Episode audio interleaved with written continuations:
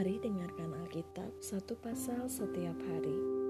Kisah para Rasul 20 Dari Makedonia ke Troas Setelah reda keributan itu, Paulus memanggil murid-murid dan menguatkan hati mereka.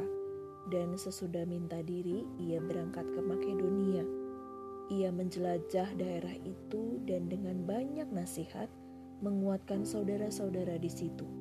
Lalu tibalah ia di tanah Yunani Sesudah tiga bulan lamanya tinggal di situ, ia hendak berlayar ke Syria.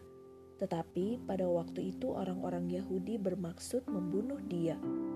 Karena itu ia memutuskan untuk kembali melalui Makedonia. Ia disertai oleh Sopater, anak Pirus dari Berea, dan Aristarkus dan Sekundus, keduanya dari Tesalonika, dan Gaius dari Derbe, dan Timotius dan dua orang dari Asia yaitu Tikikus dan Trofimus. Mereka itu berangkat lebih dahulu dan menantikan kami di Troas. Tetapi sesudah hari raya roti tidak beragi, kami berlayar dari Filipi dan empat hari kemudian sampailah kami di Troas dan bertemu dengan mereka. Di situ kami tinggal tujuh hari lamanya. Pada hari pertama dalam minggu itu, ketika kami berkumpul untuk memecah-mecahkan roti, Paulus berbicara dengan saudara-saudara di situ karena ia bermaksud untuk berangkat pada keesokan harinya. Pembicaraan itu berlangsung sampai tengah malam. Di ruang atas di mana kami berkumpul, dinyalakan banyak lampu. Seorang muda bernama Eutychus duduk di jendela. Karena Paulus amat lama berbicara, orang muda itu tidak dapat menahan kantuknya. Akhirnya ia tertidur lelap dan jatuh dari tingkat ketiga ke bawah. Ketika ia diangkat orang, ia sudah mati. Tetapi Paulus turun ke bawah. Ia merebahkan diri ke atas orang muda itu, mendekapnya, dan berkata, "Jangan ribut, sebab ia masih hidup." Setelah kembali ke ruang atas, Paulus memecah-mecahkan roti, lalu makan. Habis makan, masih lama lagi ia berbicara sampai fajar menyingsing. Kemudian ia berangkat. Sementara itu, mereka mengantarkan orang muda itu hidup ke rumahnya, dan mereka semua merasa sangat terhibur. Dari Troas ke Miletus, kami berangkat lebih dahulu ke kapal dan berlayar ke Asos dengan maksud untuk menjemput Paulus di situ sesuai dengan pesannya sebab ia sendiri mau berjalan kaki melalui darat. Ketika ia bertemu dengan kami di Asos, kami membawanya ke kapal, lalu melanjutkan pelayaran kami ke Mitilene. Dari situ, kami terus berlayar dan pada keesokan harinya, kami berhadapan dengan Pulau Kios. Pada hari berikutnya, kami menuju Samos, dan sehari kemudian tibalah kami di Miletus. Paulus telah memutuskan untuk tidak singgah di Efesus supaya jangan habis waktunya di Asia, sebab ia buru-buru agar jika mungkin ia telah berada di Yerusalem pada hari Pentakosta. Perpisahan Paulus dengan para penatua jemaat Efesus. Karena itu ia menyuruh seorang dari Miletus ke Efesus dengan pesan supaya para penatua jemaat datang ke Miletus Sesudah mereka datang, berkatalah ia kepada mereka, "Kamu tahu bagaimana aku hidup di antara kamu sejak hari pertama aku tiba di Asia ini. Dengan segala rendah hati, aku melayani Tuhan.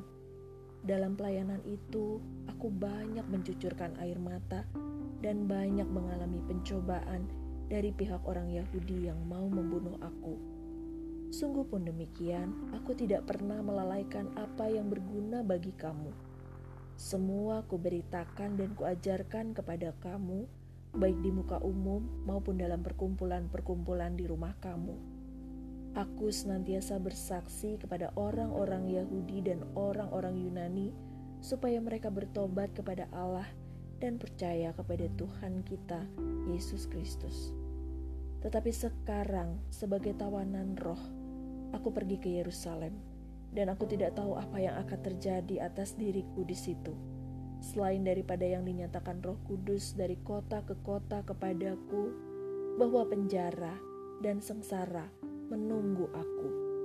Tetapi aku tidak menghiraukan nyawaku sedikit pun. Asal saja aku dapat mencapai garis akhir dan menyelesaikan pelayanan yang ditugaskan oleh Tuhan Yesus kepadaku untuk memberi kesaksian tentang Injil kasih karunia Allah. Dan sekarang aku tahu bahwa kamu tidak akan melihat mukaku lagi, kamu sekalian yang telah kukunjungi untuk memberitakan kerajaan Allah. Sebab itu, pada hari ini aku bersaksi kepadamu bahwa aku bersih, tidak bersalah terhadap siapa pun yang akan binasa. Sebab aku tidak lalai memberitakan seluruh maksud Allah kepadamu. Karena itu, jagalah dirimu dan jagalah seluruh kawanan karena kamulah yang ditetapkan Roh Kudus menjadi penilik untuk menggembalakan jemaat Allah yang diperolehnya dengan darah anaknya sendiri. Aku tahu bahwa sesudah aku pergi, serigala-serigala yang ganas akan masuk ke tengah-tengah kamu dan tidak akan menyayangkan kawanan itu. Bahkan dari antara kamu sendiri akan muncul beberapa orang yang dengan ajaran palsu mereka berusaha menarik murid-murid dari jalan yang benar dan supaya mengikut mereka. Sebab itu, berjaga-jagalah dan ingatlah bahwa aku tiga tahun lamanya siang malam dengan tiada berhenti-hentinya menasihati kamu masing-masing dengan mencucurkan air mata. Dan sekarang aku menyerahkan kamu kepada Tuhan dan kepada firman kasih karunia-Nya yang berkuasa membangun kamu dan menganugerahkan kepada kamu bagian yang ditentukan bagi semua orang yang telah dikuduskannya.